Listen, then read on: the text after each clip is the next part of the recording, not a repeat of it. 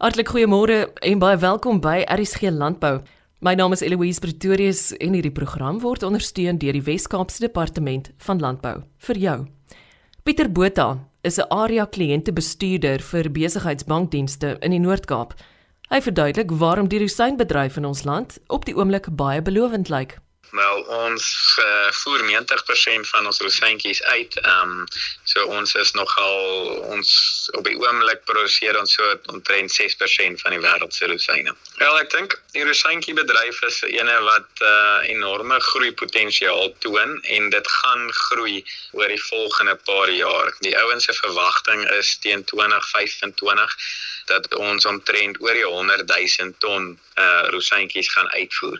Nou op die oomblik hierdie hierdie seisoen was die oeskattings um, in die begin van die oestyd uh, so 90 000 ton, maar met die weer en die omstandighede het dit omtrent hier na 65 000 ton toe teruggeval. So uh, ek daar's enorme groei potensiaal in die rosyntjie bedryf met nuwe variëteite wat inkom wat ongelooflike 'n potensiaal toon in terme van verhoogde tonne wat die boere afval per hektaar. So dis regtig opgewonde en is 'n lekker bedryf om in te wees. Daar is 'n paar uitdagings in die rosyntjie bedryf.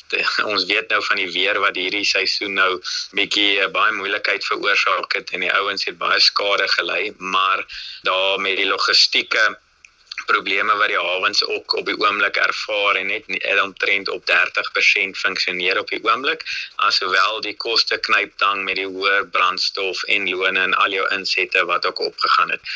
So ek dink die die toekoms vir rosyntjie bedryf is definitief die nuwe variëteite wat wat deurkom wat ehm um, wat ongelooflike potensiaal wys in die mark. Waar word rosyne in Suid-Afrika verbou?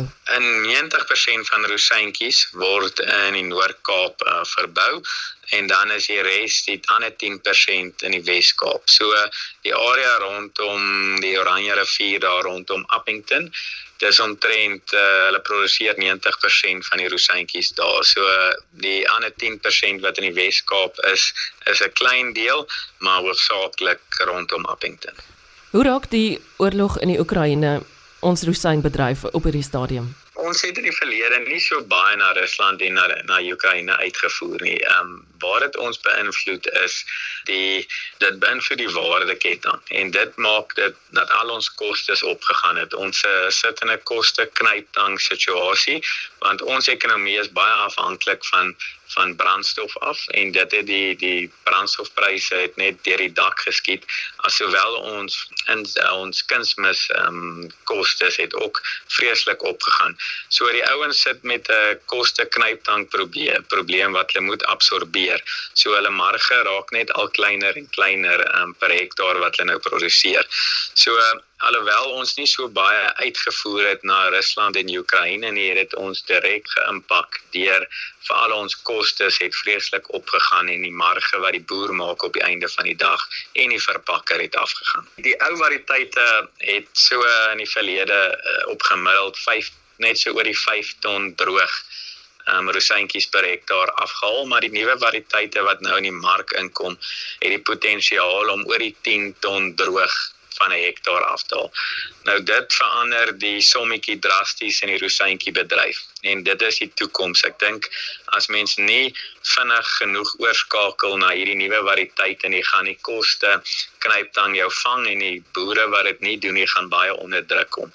Dit is die toekoms om jou om jou produksie op te stoot en met die nuwe variëteite dink ek is die antwoord en dit maak die rosyntjie bedryf baie aanloklik vir die volgende paar jaar.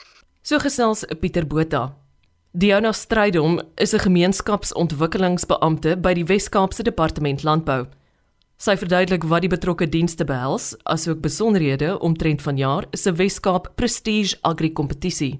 Ek is nou 10 jaar amper by die departement, maar die program het reeds in 2004 begin. Toe hulle gesien het plaaswerkers, hulle kry nie die nodige aandag in terme van hulle behoeftes en dienste nie. Ehm um, so daai tyd het daar nie niemand het hy die program begin tot en met sy aftrede. En die hoofdoel van diese program is die bevordering van die beeld en sosio-ekonomiese omstandighede van plaaswerkers, maar ook hulle gesinne.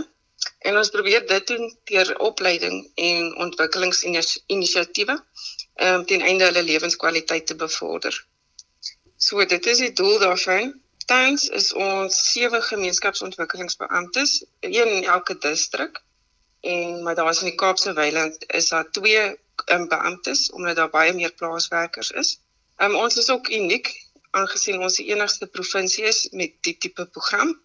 Ehm um, so ons voel ons doen baie goeie werk. Ons is aangestel vir as ontwikkelingsbeamptes, maar sodat ek my werk sien, is die rol van skakel tussen plaaswerkers, produsente en die private en publieke sektor. Ek dink dit is die grootste rol wat ons vertolk. Ons kan sorg dat plaaswerkers se behoeftes hoog op die agenda bly.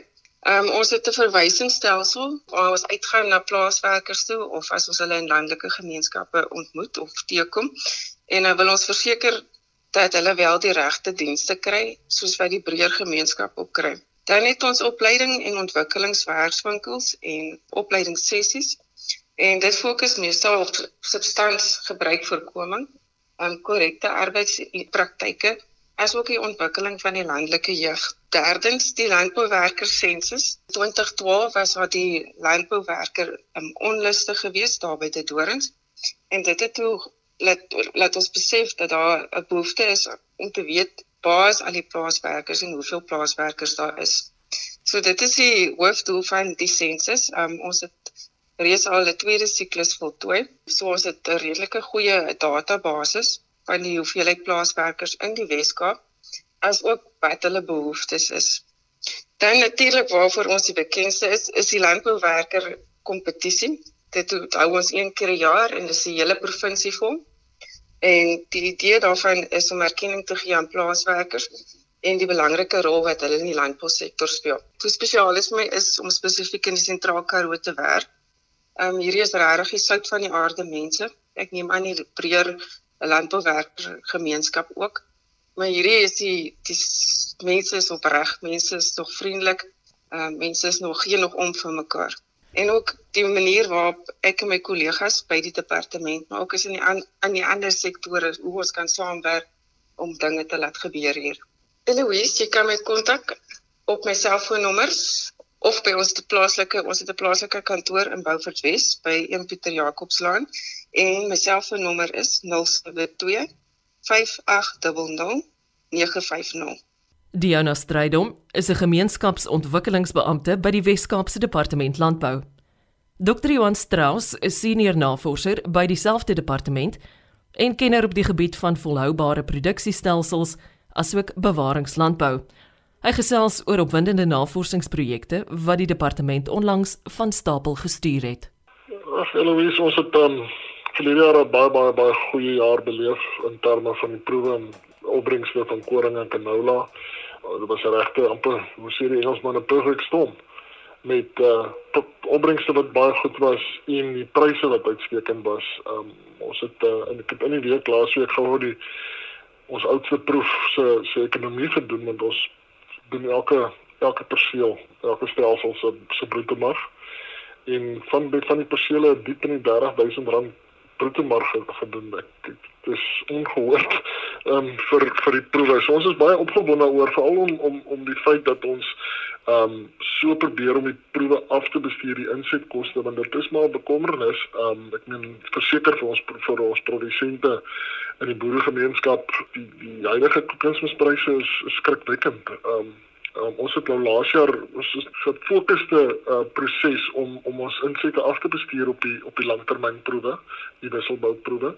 En ons het nou al ons um, stikstof redelik afbestuur maar afhangende van die stelsel. Ehm um, ons het byvoorbeeld laas jaar in 'n koring medic stelsel waar die medics dan mos nou 'n peelplaas in stikstof in die grond bind, het ons afbeweeg en ons het 'n totaal van 26 kg stikstof uit 'n sak uitgegee. Um en ons het die beste opbrengs was oor die 6 ton wat ons afhaal het op op baie veel stikstof wat toegedien is. Praat maar net van die stikstof, ons sien nog steeds ons water en kalium 'n bietjie en so aan.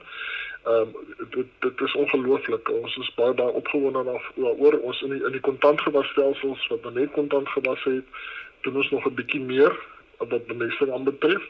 En ons en ons sien veral in die in die stelsels waar daar te veel grane in is dat die insekte maar klim en klim en klim en jy nog steeds redelik met, met stikstof gee om om produksie te daar te stel.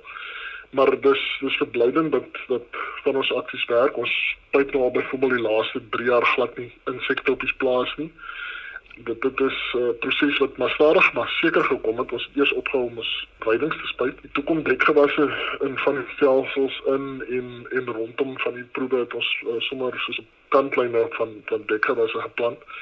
En ons het toe begin oplet dat voor ons kan besluit of ons gaan spuit of nie, as ons nou 'n bietjie scouting doen, dan kom ons agter die die peste pla wat daar is is, is uitgevat en ehm um, toe toe ons opgespuit en dis nou al 3 jaar wat ons dit nie doen nie. Ons sê elke jaar vir mekaar maar ons dit ons gaan probeer om nie te spuit nie, maar as dit nodig is, ons sal ons dit doen.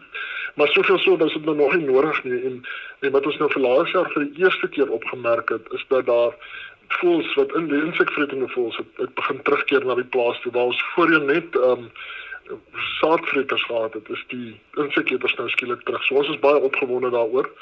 Ons het ook mense wat nou studente wat baie in klaar maak wat gekyk het na die diversiteit in terme van die insekte en sy het redelik baie predatore geïdentifiseer sover.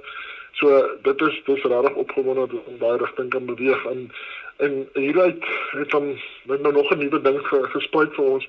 Ons is nou al rukkie besig met 'n generatiewe landbouproef, maar die keuses wat ons gemaak het ons toe ons die proef wou begin het aanvanklik, het ons net sekere opsies gehad in terme van dat die proef of die navorsingsplaas waar dit geskied in terme van kampe en die kampe het 'n redelike slegte geskiedenis gehad met onkruiddoder toetsings wat vir jare terug daar gebeur het gedoen is en klein proefies gedoen is. So dit het 'n redelike nalatenskap gehad. En ons het begin met die regeneratiewe proef en ons het nou nie was nie gekeuse sukses nie. Ons het baie geleer uit die, uit die proses uit. Die feit dat woordbeweiding werk is verseker een van die positiewe. Ons het laas jaar het ons koring geoes. Ons het verskriklik baie reën gehad aan die begin van die seisoen wat gemaak het dat die kampe op baie lank nat gebly het. Ons het 300 mal gehad in in in 2 dae. Ons het net koring geoes. Maar soms geen in insette behalwe nou saad en die plantkoste en die oeskoste nie. En die gemiddeld was so 1.6 ton. Nou die graad was nie baie goed nie. Die grond het nie baie gelewer nie maar ons het nog steeds 'n bietjie geld gemaak met met met daai lae opbrengs.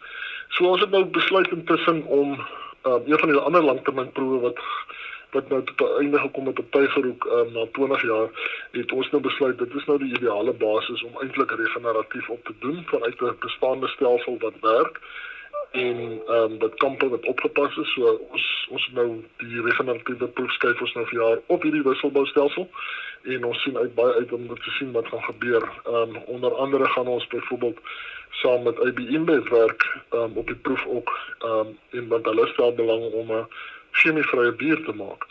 Uh, of gaan probeer om dit te doen so ons gaan kyk wat gebeur. So ons baie opgewonde daaroor. Heelwat studente wat betrokke is by ons navorsing wat baie um, oulike projek wat nou in die gang is waar ons 'n uh, magdom van die bestaande uh, peulgewasse by beide saadpeelgewasse en weidingspeelgewasse gaan toets om vas te stel wat bind daai gewasse in terme van stikstof in ons gronde. En ek dink dit gaan baie waarde tot die bedryf toevoeg om vir boere te kan sê as jy hierdie gewas plant en jy sorg vir hom dan is dit die tipe op um, stikstof wat jy in die grond kan los vir, vir die volgende jaar uh so jy insette kan verminder in terme van bemeting. Ehm um, so ek ek sien baie uit na die resultate se jong jong studentjie wat daar gaan werk. En uh ja, daar's daar's nog 'n paar ander wat in kom is. Ons ons sien uitdruk uit na die jaar wat wat kom. Ons gaan weer weer vir jare se 10de jaar van ons bewaringslandbou uh Weskaap konferensie. So ons uh, in Augustus, ons is besig om 'n baie spesiale dag te te beplan om om die 10 jaar te vier. Ons het aan um, einde van die maand kom ons 100ste uitgawe van ons nuusbrief uit. So ons is baie dankbaar daaroor. Dit dan senior navorser by die Wes-Kaapse Departement Landbou, Dr. Johan Strauss. Onthou môre om kwart voor 12 weer by my aan te sluit vir RSG Landbou. Ek is Eloise Pretorius en ek wens jou alle sukses vir hierdie Vrydag wat voorlê. Totsiens.